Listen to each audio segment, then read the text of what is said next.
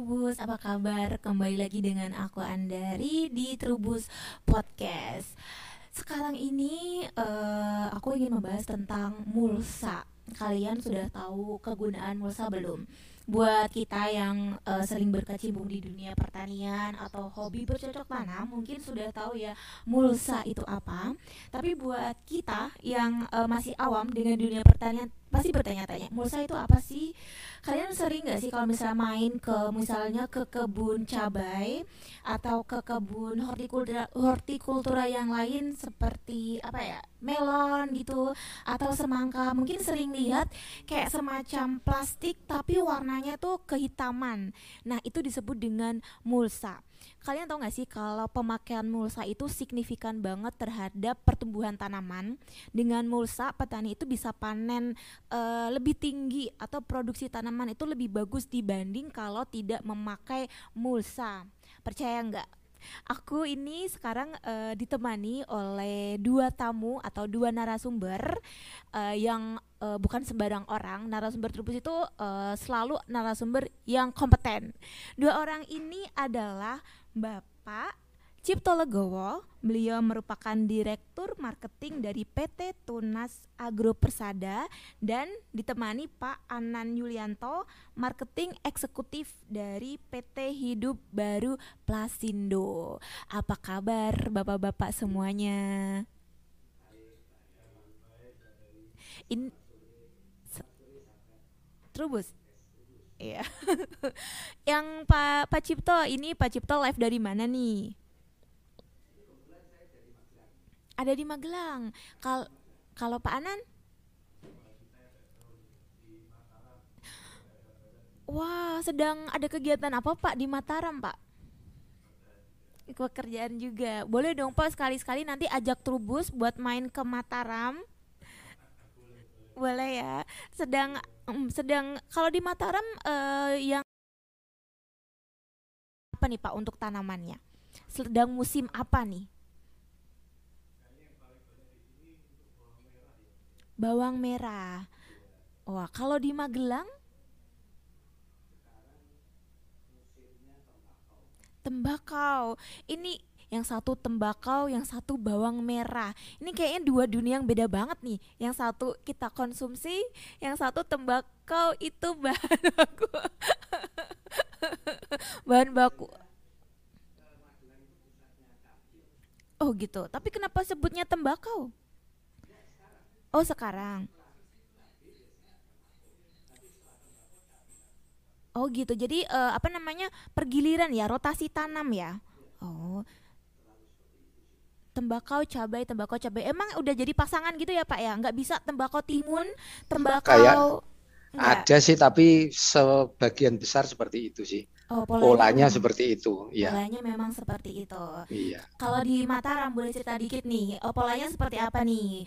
Pak Pak Anan mungkin boleh cerita kalau di sana full bawang merah terus nih gitu. Iya, saya kurang paham sih Mbak. Kebetulan juga baru pertama kali ke Mataram saya. Wah, aku juga iya. dulu uh, cuma sekali doang sih uh, ke daerah sana Pak. Nanti kapan-kapan kita main ke sana ya Pak ya. Siap, siap, siap. Boleh, Pak, boleh. Di kita kan uh, di di feed kita, di feed Instagram kita maupun Facebook kita kan mengangkat mengenai mulsa. Tadi sempat uh, saya sounding sedikit kepada sahabat Rubus. Mungkin untuk sahabat Rubus yang uh, berkecimpung di dunia pertanian itu mulsa itu ah itu kan barang biasa gitu kan. Tapi ternyata di masyarakat awam itu mulsa itu barang baru. Bahkan ada loh yang belum tahu mulsa pak. Percaya nggak? Pak Cipto percaya nggak kalau misal ada yang belum tahu mulsa? Mungkin ya. Eh untuk orang awam mungkin ada yang tahu. Tahunya cuma ya apa plastik apa apa itu. Disebut mulsa apa apa mereka juga tidak tahu mungkin. Padahal ini sudah lama sekali. Sudah hampir saya mengembangkan ini, mengambil teknologi mulsa ini mulai tahun 86. Mungkin Mbak Andari belum lahir ya. tahun 86, ya. Yang membantu podcast ini kan ada kita banyak timnya nih Pak. Belum tahu loh Pak Mulsa itu apa. Uh. ya. Jadi memang harus tugasnya Pak Anan sama Pak Cipto untuk menjelaskan mulsa itu apa. Padahal sudah diperkenalkan kayak Pak Cipto tadi kan sudah pakai lama sejak tahun 86 ya udah berapa tahun tuh berarti? 30 tahun lebih kan ya Pak ya? Nah Iya, iya. boleh dijelaskan nggak sih Pak sebenarnya mulsa itu apa gitu? Perannya tuh sepenting apa sih Pak gitu? Sampai bertahan sampai puluhan tahun. Boleh Pak Cipto yang jawab? Boleh juga Pak Anan Oke. yang jawab Wah, ini kayaknya Pak Cipto aja nih yang lebih Oke. kompeten ini Mbak Andari. oh semuanya kompeten loh Iya, iya. Oke, saya coba jawab ya. boleh Jadi pengertian mulsa pertama kali itu adalah eh, semua material baik organik maupun anorganik untuk menutup tanah pada saat budidaya pertanian dengan tujuan untuk mengurangi eh, pertumbuhan gulma ataupun menjaga kelembapan tanah. Dengan harapan tanaman yang kita budidayakan itu akan pertumbuhannya akan lebih baik dan meningkat produktivitasnya. Itu. Jadi boleh organik maupun anorganik. Seperti itu. Walaupun nanti ada kelebihan dan kekurangannya antara organik dan anorganik. Seperti itu.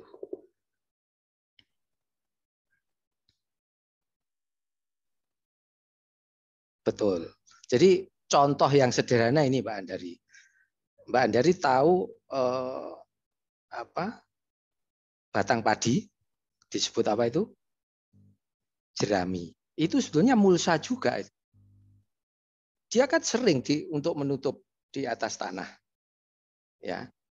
Cuma mulsa jerami itu ada kekurangannya. Kalau tidak tebal, sinar matahari tetap masuk. Penguapan tetap tinggi. Terus kemudian gulma karena sinar bisa menembus, kadang-kadang tetap tumbuh. Nah, itulah jadi ada kekurangannya.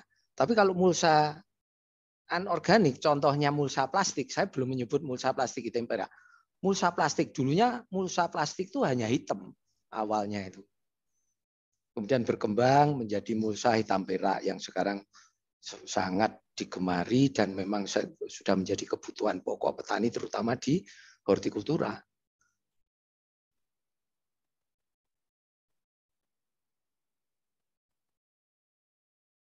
Ya.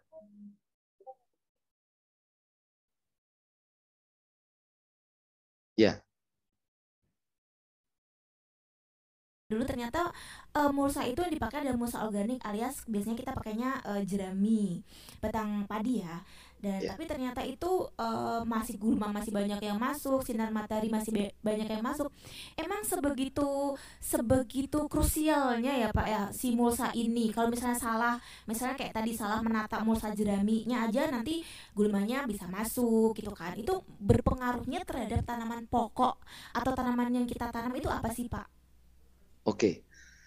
Jadi mulsa ini tujuannya kita memberi mulsa itu sebetulnya untuk melindungi tanah juga, Mbak. Satu, agar erosi tanah tidak kompak seperti tanah di pegunungan itu kan mudah longsor itu, mudah runtuh itu. Kalau kena air hujan aja dia runtuh. Padahal kita mesti membuat bedengan. Kalau kena air hujan deras, bedengannya itu akan hilang, longsor atau erosi. Nah, salah satu untuk mengurangi erosi itu pakai mulsa. Baik itu kalau zaman dulu pakai mulsa jerami supaya air hujannya tertahan oleh mulsa itu.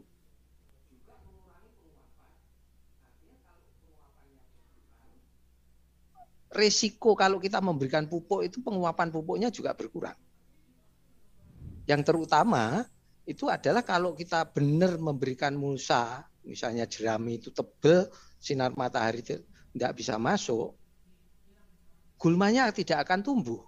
Karena biji gulma akan tumbuh kalau kena sinar matahari.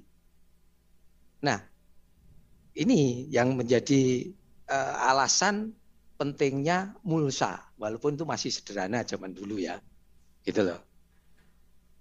Recording in progress. Jadi kalau jadi bukan cuman hanya untuk menekan pertumbuhan gulma saja ya, tapi ternyata efeknya juga eh, besar banget terhadap tanah, ternyata Betul. mulsa itu juga bisa digunakan atau bermanfaat untuk menahan erosi tanah terutama di daerah lereng pegunungan ya Pak ya. Dan itu Betul sekali. ah, biasanya kan tanaman horti kan memang ditanami di daerah pegunungan ya Pak ya. Kebanyakan seperti itu, baik itu bawang putih, ya kan, bawang daun, cabai, itu banyak di pegunungan, di mana tanah-tanahnya itu mudah sekali rontok, karena tidak, Rontok. iya, karena air hujan aja bedengannya tahu-tahu sudah hilang. Itu kalau hujannya deras, kadang-kadang tanamannya pun ikut hanyut. Hmm. Jadi eh, apa untuk mulsa penting banget eh, bagi petani yang nanam tanaman hortikultura. Nah, di kita kan ke- kemarin itu ada mengangkatnya adalah dengan pulsa kita bisa panen melonjak. Ya pasti kita nggak bakalan bisa panen melonjak dong kalau misalnya tanah kita rontok tadi ya Pak ya. Jangankan Betul. panen malah bisa-bisa eh, belum Buntung. Oh iya, Enggak, enggak untung tapi buntung. tanamannya sudah hilang karena kita Iya. nggak hati-hati merencanakan eh, budidaya tanaman yang akan kita eh, rawat ya. Mulsa itu ternyata penting. Dan itu sering sering nggak sih Pak dulu orang tuh skip keberadaan mulsa gitu.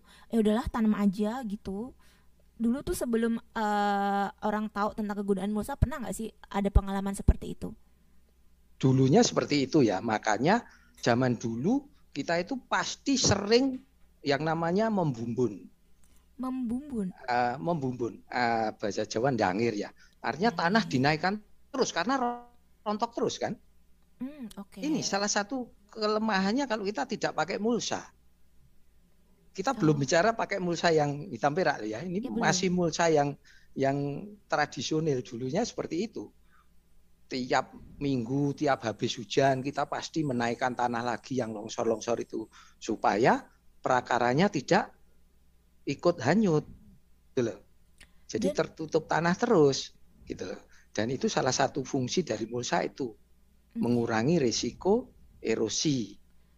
Dari kalau tanah itu. dangir, dangir ya pak ya, sama Ya. atau membumbun itu otomatis kita butuh tenaga kerja lagi. Betul. Coba Ini- aja kalau musim penghujan tiap hari hujan, berarti Terus- tiap hari kita harus membumbun. terus bener eh, kan? keluar uang lagi ya pak ya. Iya, Eh, iya. niat hati ingin hemat ya karena eh, hemat tenaga kerja bisa, hemat waktu bisa karena nggak mau pakai mulsa. Eh tapi ya malah kerja dua kali, bumbun lagi, Betul, Hujan, betul. rontok bumbun lagi gitu ya pak Iya, ya. iya betul. Nah itu itu belum dari segi ekonomisnya nanti. Pupuk yang kita berikan, ya kan, ikut hanyut, ikut menguap, ya kan. Nah kalau dipakai mulsa, itu banyak fungsi yang kita dapatkan. Kenapa bisa mempengaruhi produktivitasnya menjadi tinggi, bahkan bisa 100% lebih tinggi. Kenapa? Satu, pupuk itu akan dimakan oleh tanaman yang kita budidayakan aja. Tidak berebut dengan gulma. Pupuknya tidak akan hanyut. Tidak eh, ikut erosi bersamaan dengan tanah, air hujan. Ya kan? Pupuknya tidak akan menguap. Jadi semuanya efektif dimakan oleh tanaman yang kita budidayakan. Kalau kita memakai mulsa. Ya, itu dia. Domino banget ya pak ya. Betul sekali, banyak sekali mulsa. Makanya semua petani terutama yang hortikultura ya, tanaman semusim, itu hampir semua pakai mulsa. Sudah tidak ada yang sekarang yang tidak pakai mulsa. Selalu Apalagi pakai zaman sekarang pasti mulsanya mulsa yang modern, yang modern. mulsa yang Nah, plastik gitu loh. Karena apa? Dengan mulsa jerami itu bisa, Mbak. Cuma kosnya itu tinggi. Kalau kita beli mulsa yang plastik satu roll, itu kita sama aja memakai mulsa satu truk jerami. Apa, Ongkos angkutnya boleh boleh diulang kalau kita pakai satu roll mulsa, roll mulsa, mulsa plastik Plastik. hitam perak, ya, itu kosnya itu sama dengan kita pakai mulsa satu truk jerami padi. satu truk jerami padi. Iya, Aduh, karena harus saya. gelap kan.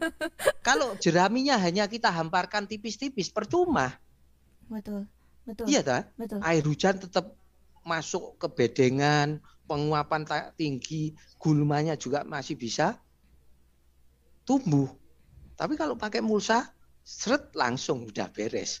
Air hujan tidak masuk bedengan, mengalirnya ke got, pupuknya tidak menguap, pupuknya hanya dimakan oleh tanaman yang kita budidayakan. Oh. Baik itu cabai, melon, bawang putih, bawang merah, dan lain sebagainya. Efektif dimakan oleh tanaman, yang Tanaman. kita budidayakan. Oh. Gitu loh. Saya baru tahu loh Pak, tadi perbandingannya kayak eh, jauh sekali ya. Satu roll, satu roll mulsa plastik itu sama dengan satu truk jerami. Waduh. Iya. Jadi memang eh, dari segi apa ya eh, efektivitas juga lebih tinggi, kemudian dari segi ekonomis juga lebih ekonomis kita kalau menggunakan pakai eh, mulsa plastik karena le- selain lebih modern dan juga lebih gampang untuk dipakainya.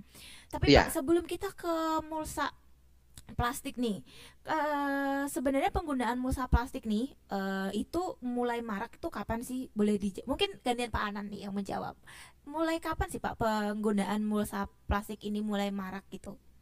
Nah ini kayaknya masih di ranahnya Pak Cipto ini. Boleh, Pak Karena Cipta beliau boleh, yang Pak Anan betul-betul mengikuti Free, sejarahnya dari awal ya. Monggo silakan Pak. Ya, oke. Terima kasih Mbak Andari. Saya ambil alih lagi nih. Eh, Karena sejarahnya Nah, Mulsa ngobrol ini, ya, ini sejarahnya Mulsa ini kita yang memasukkan teknologi ini tahun 86 saya memasukkan teknologi dari Taiwan ya. Waktu itu Mulsa masih import ya lewat Singapura saya dulu. Nah, kita kenalkan kepada petani-petani eh, dengan eh, setelah berhasil petani merasakan oh secara ekonomis lebih bagus, secara eh, produktivitasnya meningkatnya tajam. Dulu cabai itu kalau tidak salah ini zaman saya masih tahun 87 88 saya mengembangkan di Temanggung itu satu tanaman cabai itu produktivitasnya hanya dua on itu sudah luar biasa senang petani. Begitu memakai mulsa itu bisa satu kilo bahkan ada yang satu setengah kilo per per per per tanaman. Per- Per jauh tanaman. banget Pak bedanya. Jauh sekali. Dua sampai tiga on bisa meningkat menjadi satu 10 on sampai satu 15 on. Iya, Ini peningkatan luar biasa. berkali-kali Bisa lipat dong Pak ya. Berkali-kali justru ini. Makanya Oke, oke. tapi pada saat itu tahun 87 ya saya mengikuti terus eh, perkembangannya mulsa itu mulai diterima petani, tapi waktu itu masih impor terus. Kita waduh ini mahal nih. Kemudian alhamdulillah kita ketemu eh, pabrik mulsa yang namanya Hidup Baru di Solo pabriknya. Dia komitmen juga gimana kalau kita mengembangkan mulsa. Tapi saat ini memang belum spektakuler seperti sekarang pada saat itu. Mereka komitmen, oke kita kembangkan. Tapi Tunas Agro juga minta komitmennya hidup baru. Harus menjaga kualitas sampai kapan pun. Kalau bisa seperti itu, mari kita berkolaborasi. Seperti itu sejarahnya. Jadi tahun 90 kita sudah berkolaborasi dengan PT Hidup Baru Plasindo untuk mengembangkan plastik mulsa hitam perak.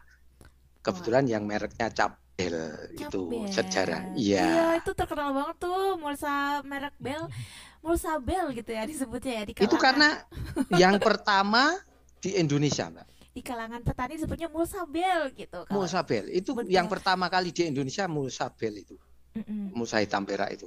Sampai sekarang masih paling disukai oleh petani. Paling Karena di- kualitasnya gitu. Nah, Pak, eh, mulsa Bel ini kan boleh dibilang, dibilang adalah mulsa plastik hitam perak ya Pak ya. Tapi sebelumnya kan belum sebelum ada mulsa plastik hitam perak, kalau saya tidak salah, dulu tuh adanya adalah mulsa hitam ya Pak ya. Betul. Nah, sebenarnya uh, ada beda nggak sih Pak kalau misalnya kita pak apa kita pakai mulsa hitam dengan mulsa plastik hitam perak itu ada perbedaannya nggak sih? Ada, jelas ada. Kenapa sekarang kok berkembangnya mulsanya hitam perak? Hitam perak. Dulunya mulsa hitam tok. Tujuannya memang yang seperti saya jelaskan tadi, kalau hitam tok gulmanya tidak tumbuh. Rumput tidak tumbuh kan? Pupuknya juga tidak ikut hanyut atau tidak menguap. Itu aja. Ya. Terus kemudian eh, bisa menjaga keremahan dari Tanah. tanah.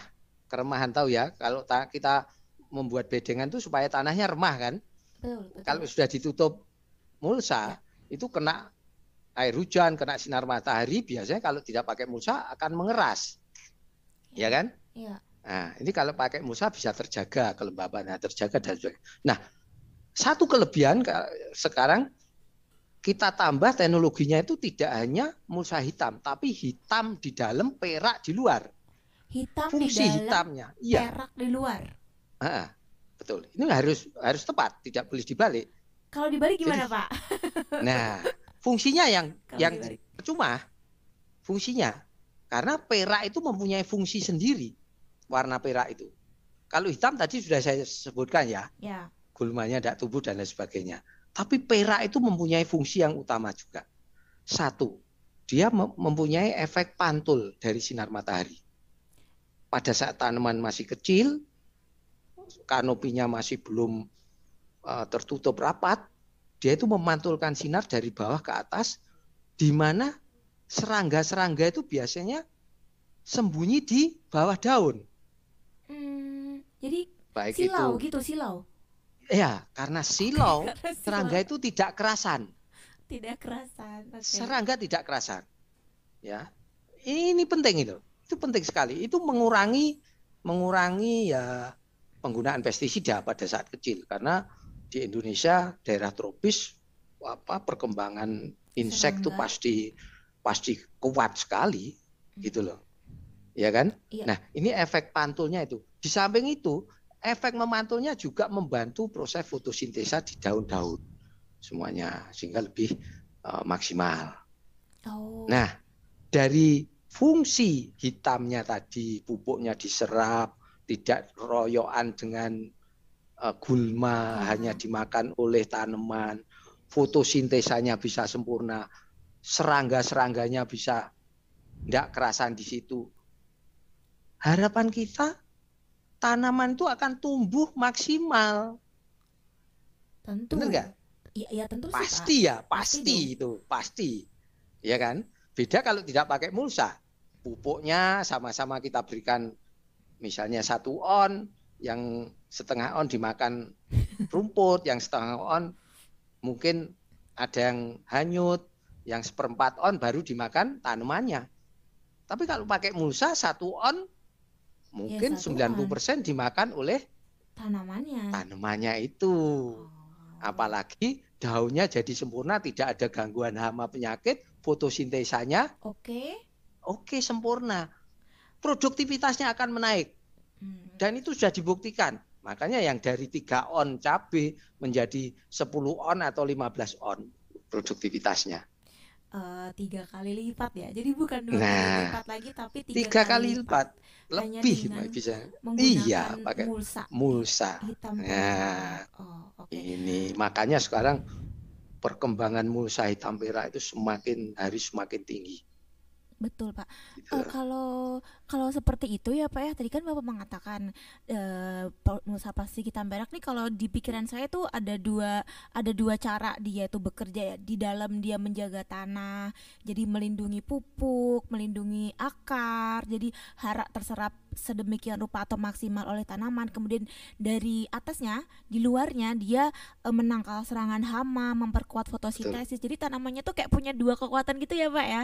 Jadi- Betul sekali. jadi betul pantas sekali. aja, bukan cuman melonjak aja nih. Kalau misalnya kita pakai mul, saya bisa panennya bisa Iya, banyak banget, melimpah, Iya. banjir gitu ya Pak ya panen. betul Dan- sekali. Kalau boleh dikatakan kalau kayak gitu ya Pak, dengan pakai mulsa seperti itu, tadi Bapak mengatakan serangganya silau, serangganya silau jadi nggak betah buat ada di tanamannya, otomatis ini ya Pak ya. Tadi sempat Bapak singgung, jadi kayak penggunaan insektisida gitu juga kayaknya berkurang nggak sih Pak di kalangan petani? Selama ini Bapak kan sering berkecimpung tuh sering main atau bergaul dengan petani. Apakah eh, mereka juga eh, eh, mengalami hal yang saya pikirkan gitu Pak? Mereka insektisidanya jadi berkurang kemudian pupuknya juga efektif banget jadi kayak nggak boros pupuk gitu jadi hemat gitu. Biaya produksinya jadi berkurang hanya dengan menggunakan mulsa. Gitu nggak sih Pak Eh, di lapangan? Sama nggak dengan yang saya pikirkan Tepat sekali Mbak Andari.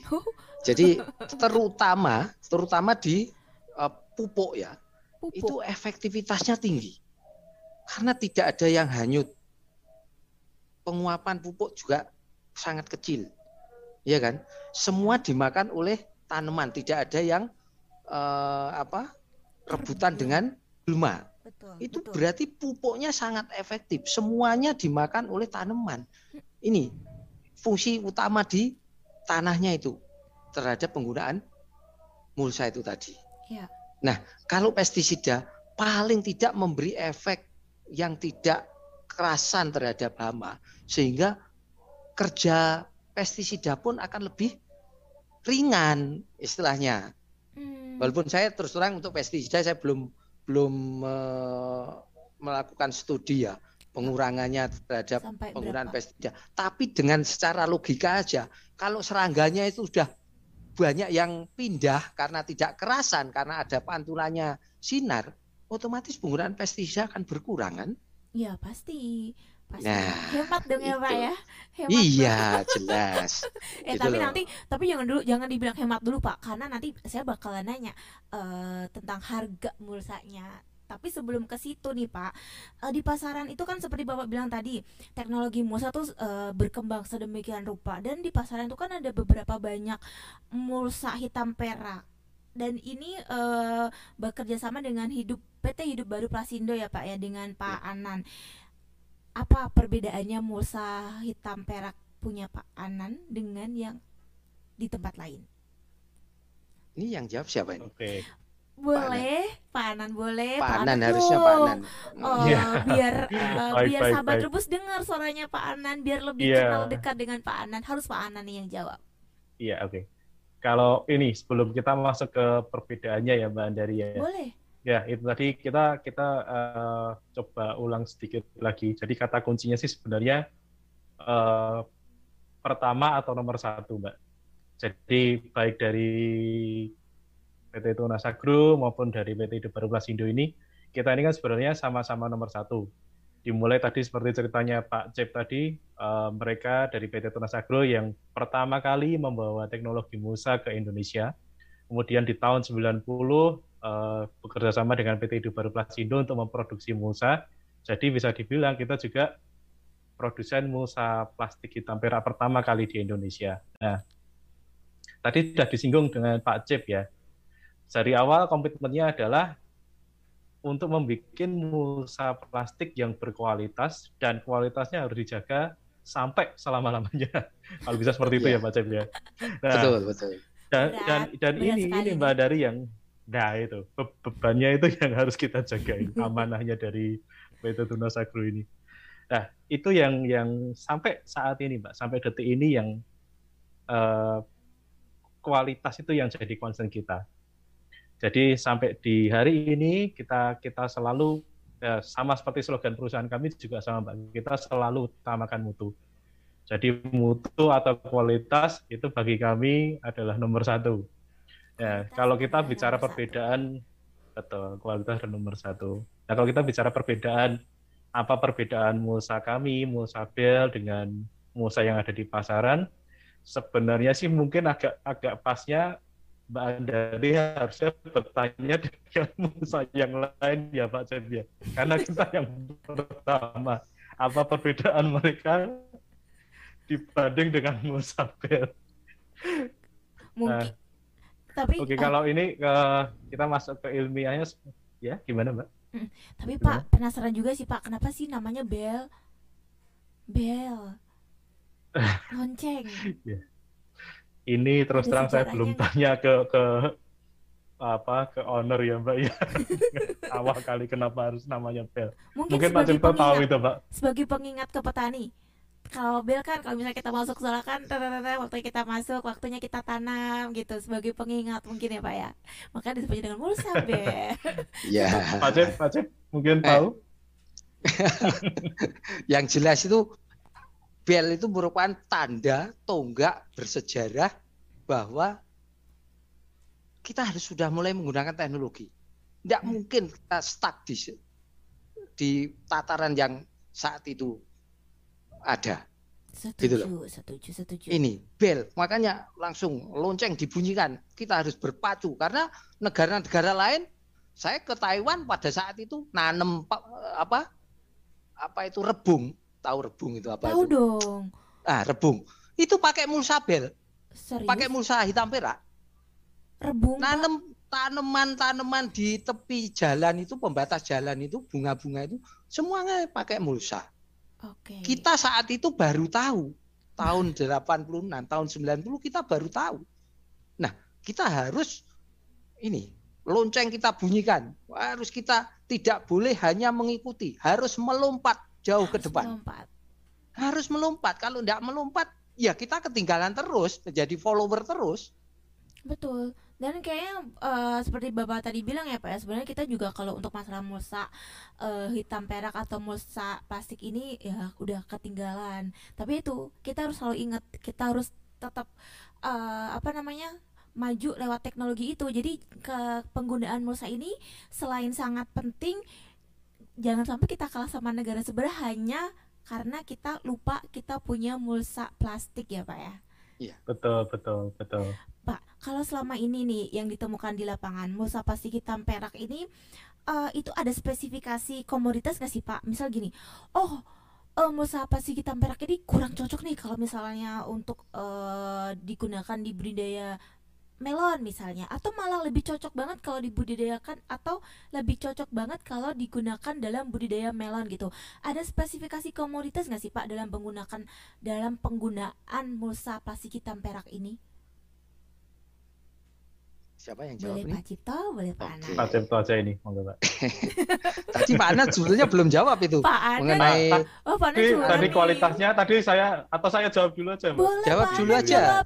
Free Iya, ini kita ha, ngobrol iya. free banget. Pokoknya Iya, kita betul, ngobrol seluk-beluk tentang mulsa harus dijawab sama Pak Anan dan Pak Cipto pokoknya. Iya, Pak Anan iya. sekarang yang jawab. Iya, ini ini lanjutkan yang tadi sih sebenarnya tadi baru intermezzonya ya. Jadi eh, perbedaan kita dengan mulsa merek lain yang ada di pasaran adalah yang pertama yang pasti kita selalu menggunakan bahan bakunya biji plastik murni, Mbak, 100%. Biji plastik murni. Nah, 100% murni ini iya betul. Dalam artian bahan-bahan kita sama sekali tidak ada yang recycle atau bahan kalau kita bisa bilang agak kasar mungkin bahan sampah ya. Oh, oke. Uh, contohnya seperti ini kalau uh, yang dimaksud dengan bahan recycle atau bahan sampah itu mungkin bagi yang belum paham atau belum tahu. Kadang-kadang kan kalau kita di pasaran ketemu plastik atau plastik apa pun ya yang sudah digunakan terus kemudian dibuang itu ada beberapa itu yang masih dikumpulkan lagi kemudian distorkan di pabrik plastik terus kemudian sama mereka di- dibersihkan dan diolah lagi jadi palet pelet namanya atau atau biji plastik lagi. Nah, kemudian biji plastik yang sudah dari hasil recycle itu yang digunakan untuk menggun- eh, membuat berbagai macam termasuk salah satunya adalah Mulsa. plastik. Da- Oh. Iya, betul. Jadi, nah kita, kita perbedaan kita yang pertama adalah di situ. Kita dari awal concern semua bahan kita adalah biji plastik murni, Pak. Nah, dan itu sudah dibuktikan oleh beberapa konsumen yang memang betul-betul ingin membuktikan sendiri ya. Eh, datang ke pabrik apa betul sih mulsa kita menggunakan biji plastik murni setelah mereka melihat produksinya, setelah mereka mengerti oh ya betul yang dipakai adalah biji plastik murni, ya itu itu itu adalah komitmen kami sampai sekarang. Oh, Nah, nah. pengaruhnya ya Pengaruhnya apa tuh, Pak? ya pengaruhnya adalah yang pasti adalah di durabilitas Mbak. di apa namanya di ketahanan pemakaiannya ya jadi kalau kita sering dengar kenapa kok mulsa bel bisa dipakai sampai 2 sampai tiga kali musim tanam sedangkan mulsa lain cuma sekali musim tanam aja sudah hancur lah itu yang faktor penentu utamanya adalah di bahan bakunya Oh bener pak, saya sering menemukan, sering denger Ah. gitu kalau misalnya lagi curhat-curhatan sih curhat Hmm. curhat-curhatan sama petani itu eh, kalau misalnya saya, saya nanya tentang budidayanya ada yang pakai mulsa tapi mulsanya sekali pakai gitu. Jadi nanti musim tanam berikutnya eh, petani itu beli lagi mulsa. Itu karena berarti mereka beli eh, memakainya mulsa yang bukan dari eh, biji plastik murni ya pak ya. Makanya eh, setiap kali budidaya mereka beli lagi beli lagi gitu. Sedangkan kalau mulsa dari biji plastik betul murni betul. itu kita bisa pakai sampai tiga kali musim tanam ya pak Betul. Nah, itu itu kalau kita sudah Mbak dari masuk ke sana, jadi saya masuk aja di kelebihan keduanya adalah di harga kita yang ekonomis. Nah, ini kalau kita bicara ekonomis ini kan kadang-kadang banyak yang salah persepsi ya Mbak ya. Oh ekonomis itu identik dengan harga murah seperti itu. Nah, kalau pada kan sebenarnya nil, uh, apa namanya pengertian yang sebenarnya dari ekonomis itu adalah ketika harga atau uang atau nilai yang kita keluarkan untuk satu barang atau jasa itu itu berbanding lurus dengan besaran nilai manfaat yang kita terima. Okay. Nah, dalam hal mulsa plastik ini kadang-kadang banyak banyak juga eh, teman-teman petani yang kadang-kadang masih membandingkan seperti ini. Oh harganya musabel kok lebih mahal daripada yang lain seperti itu.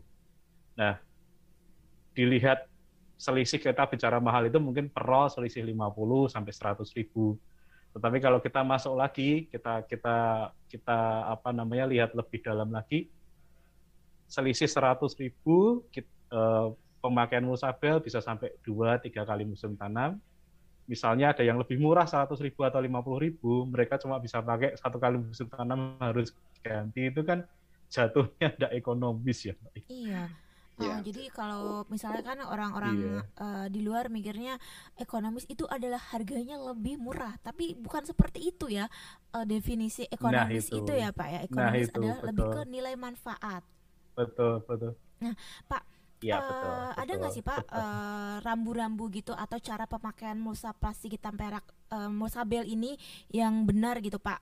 Ya mungkin mungkin uh, memang bisa digunakan sampai tiga kali musim tanam. Tanam A panen, kita tanam B, kita pakai lagi. Tapi kalau misalnya kan sering kali di lapangan ada faktor uh, human error atau apa gitu ya Pak. Ada nggak sih Pak rambu-rambunya atau cara uh, menggunakan uh, mulsabel ini yang benar tuh seperti apa gitu? Iya, uh, kalau nanti ini saya jawab dulu dari sisi teknisnya dari segi bahan plastiknya ya Mbak ya. Iya, Jadi boleh, mungkin boleh. nanti kalau teknis pemasangan atau perlakuan selama tanam mungkin nanti Pak C bisa menjelaskan. Nah, kalau dari sisi teknis dari bahannya sendiri, sebenarnya kan musuh utama plastik itu kan ada dua, Mbak. Satu api, yang kedua adalah benda tajam. Nah, selama selama maksudnya eh, di dalam pemakaian itu minim minim kontak dengan dua hal yang saya sebutkan tadi, itu eh, kita bisa pastikan sih untuk kualitas dan uh, daya tahannya bisa bisa bisa dipertanggungjawabkan lah sampai 2 sampai tiga kali musim tanam. Nah, kalau untuk pemakaian pemakaian pada waktu uh, perlakuan pada waktu pemakaian selama musim tanam itu monggo Pak Cep bisa dijelaskan Pak seperti apa seharusnya. Eh, tapi ini ya Pak ya highlight itu. highlightnya adalah uh, jangan menggunakan uh, benda yang terlalu tajam gitu ya Pak yang tadi kalau tidak salah saya tangkapnya ya. Ya, jadi misalnya kalau uh, petani terus mereka bawa apa namanya itu cangkul terkena plastik ya sudah pasti rusak lah itu. Kemudian kalau tetap harus hati-hati. waktu tanam ada iya betul pada waktu tanam mungkin sambil merokok Waduh. kemudian apa namanya percikan dari abunya kena di plastik ya bisa dipastikan sudah pasti bisa rusak. ya, tapi itu di, hal-hal di non teknis ya hal, -hal non teknis. Nah ini kalau teknis yang pada waktu apa penanamannya monggo Pak Cip bisa dijelaskan Silakan Pak Cipto kita sharing. Okay. ada saya sambung yang harus diperhatikan. Oke okay, Mbak Andari. Jadi menyambung penjelasan Pak Adnan tadi kita musuhnya kan uh, benda tajam. Benda tajam itu tidak hanya apa cangkul tidak hanya pisau tapi tanah itu juga benda tajam kalau kita mengolahnya tidak benar.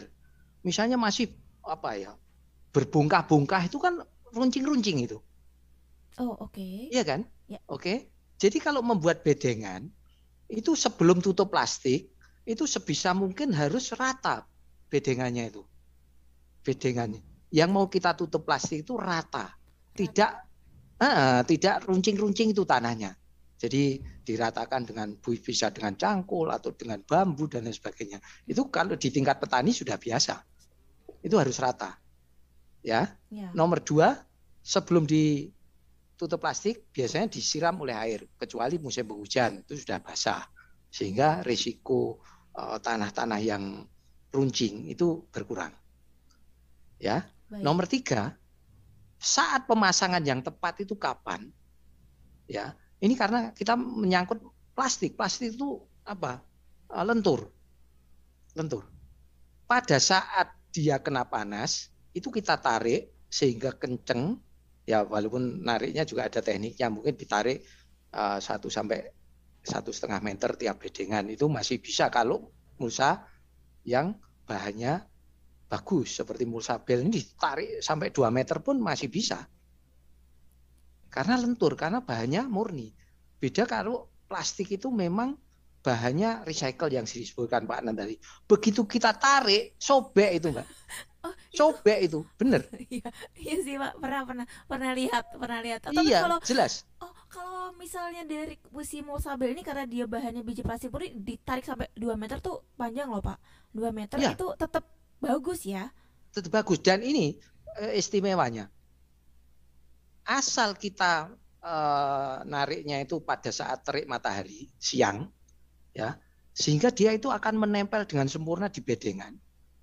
Pada saat siang itu nempelnya sempurna, pada saat dingin dia lebih sempurna, lebih nempel. Jadi kalau masang itu sebaiknya anjuran ya, kita anjurkan pada saat siang hari. Beda kalau masangnya itu malam, kelihatannya ditarik sudah sempurna, nempel, tapi pada saat siang hari malah kendor. Nah itu mempengaruhi loh. Kalau ada angin kenceng, okay. itu bisa mempengaruhi, bisa kabur itu, bisa sobek itu. Ya, jadi yeah. waktu memasangnya juga harus pas. Yeah. Kita menganjurkan siang hari. Kemudian bentuk bedengannya juga harus rata, rata. tidak uh, supaya tidak efek uh, runcingnya tadi dikurangi. Tidak melukai ya. si plastiknya. Kemudian ditarik, jangan hanya di Eh, ditempelkan saja karena kalau plastik itu ada efek eh, apa itu lentur. Itu kalau kena sinar matahari lentur sehingga kendor nanti kalau pas kena sinar matahari. Makanya masangnya pas ada sinar matahari ditarik satu sampai dua meter misalnya. Masangnya ya, pas ada kenceng. sinar matahari. Betul. Ya, walau kalau tidak ada sinar matahari, pokoknya pada saat pas suhunya itu panas-panasnya. Jadi pas panas ya, gitu. ya, pas ada sinar matahari kita pasang mulsanya. Betul. Uh, pas, tapi pastikan dulu lahannya harus rata. Jadi rata. pengolahannya itu kalau petani mah sudah canggih ya Pak ya soal pengolahan ya, lahan betul, gitu. Betul. Tapi untuk info ke sahabat rebus aja. Jadi jangan sampai nanti udah beli mulsabelnya tapi kita nggak tahu uh, pesan dari Pak Cipto tadi kalau kita harus melakukan pengolahan tanah, tanahnya harus rata sehingga nggak ada tuh tanah-tanah yang runcing. Jadi bisa melukai si plastik yang kita uh, gunakan Pasang. tadi dalam budidaya yeah. tanaman. Ya, terutama betul. tanaman hortikultura ya, Pak ya. Iya, betul. Pak Cipto nah, kalau uh, Pak Cipto ini Saya saya menyambung anu boleh, Mbak, boleh, tadi boleh. Pak Adnan ya. Boleh. Uh, terutama di daerah-daerah pegunungan. Itu kan budidaya itu hanya sekali olah tanah. Ini yang membedakan di tanah-tanah sawah. Di daerah pegunungan itu bisa orang itu dalam waktu satu satu setengah tahun itu hanya sekali masang plastik. Sehingga mereka membutuhkan plastik yang kuat, awet, awet, kuat, kuat lentur, tahan lama. Dan itu ada di Mulsabel. Mulsabel. Karena apa? Sistem budidayanya orang di pegunungan itu tidak berhenti. Sekarang ada tanaman kubis misalnya, kol. Kolnya mau panen, dia sudah umur 55 hari, di sela-selanya kol itu sudah ditanami cabai. Hmm, rapat ya banget kan? waktunya ya Pak ya? Iya, begitu kolnya dipanen umur 80 hari, cabenya sudah umur 25 hari. Benar. Cabai umur mendekati panen, di bawahnya itu sudah ada sawi putih. Cabai, sawi putih, jadi sawi putih. Jadi pada saat uh, cabai itu sudah berumur tiga bulan, sawi putih masuk ya cabenya habis sawi putihnya sudah besar sawi putihnya panen mungkin ada seledri makanya perlu uh, mulsa yang awet kalau mulsanya hanya enam bulan robek ya sudah. Tidak hmm. bisa nanam terus menerus seperti itu. Hmm, bisa-bisa dapur nggak mengebul kalau kayak gitu. Nah, Pak. itu Mbak Andari tahu itu Nah, iya. soal Tahu. dapur.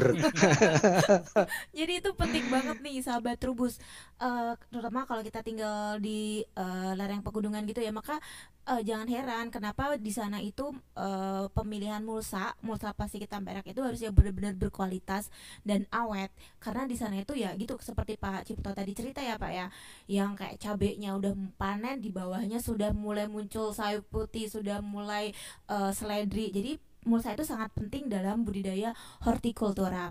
Pak Anan dan Pak Cipto, tau gak sih kita sudah 45 menit tahu ngobrol Oh tentang iya, mulsa. nggak terasa, Mbak, Sangat tidak terasa. terasa, Kalau tapi ini, sudah Pak, ngobrol, Oh, tapi ini ada terasa ya. pertanyaan dari Dian Bara, Iya. mungkin bisa dijawab sama Pak Anan atau Pak Cipto ya. Ada pengganti mulsa yang ada porinya nggak? Ini maksudnya apa ya Pak? Ya saya masih kurang paham pertanyaannya. Ada pengganti mulsa yang ada porinya nggak? Mulsa plastik itu kan tet- tetap ada porinya tidak sih Pak sebenarnya?